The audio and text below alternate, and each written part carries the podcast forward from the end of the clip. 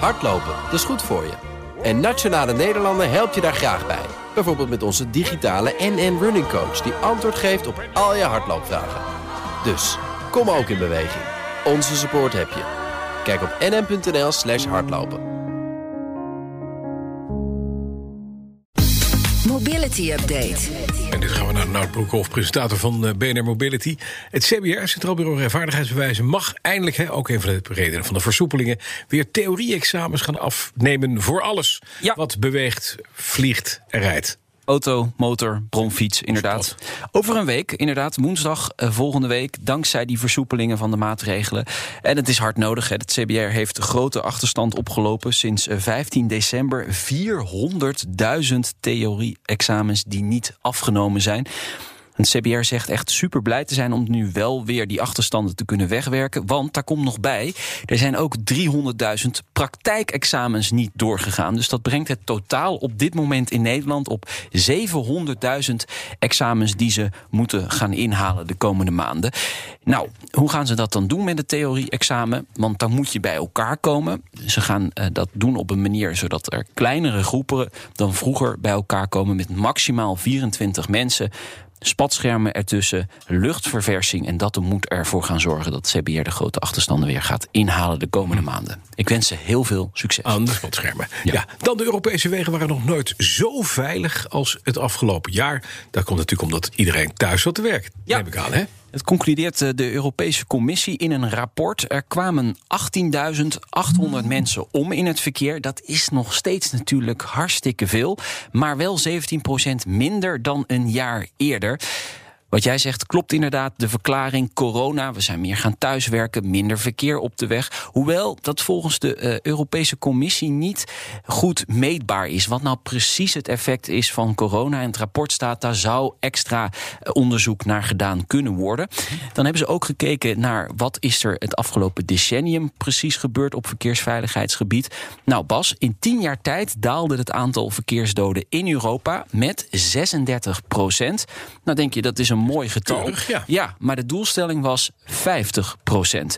Niet gehaald dus. En daar is de Europese Commissie dan ook kritisch op. Het slechte nieuws. Nederland is het enige land waar het aantal verkeersdoden toenam de afgelopen 10 jaar. Weliswaar maar met 1 procent. Maar als je dan de daling ziet in andere landen, België min 40 procent in 10 jaar, Duitsland min 25 procent, Frankrijk min 36 procent.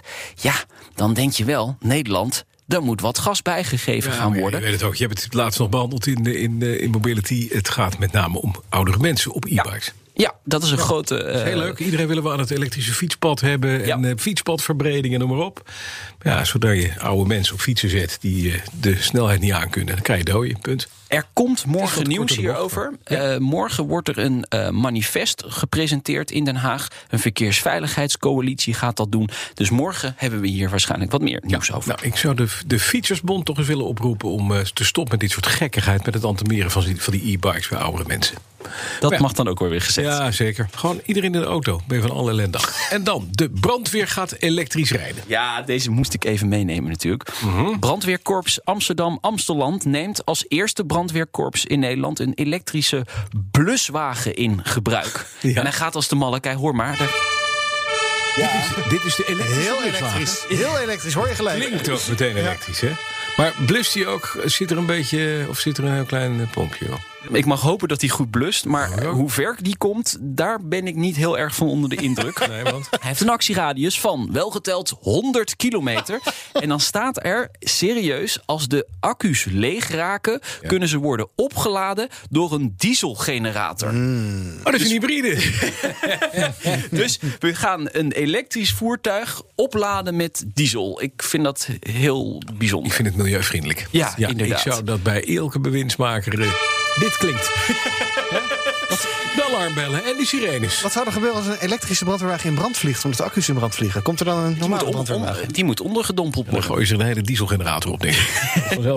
Toch nog even, het is een eh, tankauto-spuit en het is revolutionair, zegt de brandweercommandant. Voor, hij is voorzien van de nieuwste technologieën, in ieder geval niet de nieuwste batterijtechnologieën in ieder geval.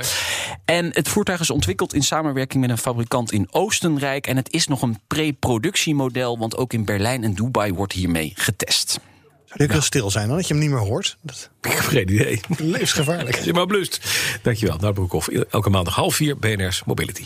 BNR Mobility Update wordt mede mogelijk gemaakt door Fleet Support, Mobink en ALD Automotive.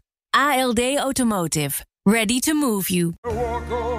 Hardlopen, dat is goed voor je. En Nationale Nederlanden helpt je daar graag bij. Bijvoorbeeld met onze digitale NN Running Coach... die antwoord geeft op al je hardloopvragen. Dus, kom ook in beweging. Onze support heb je. Kijk op nn.nl slash hardlopen.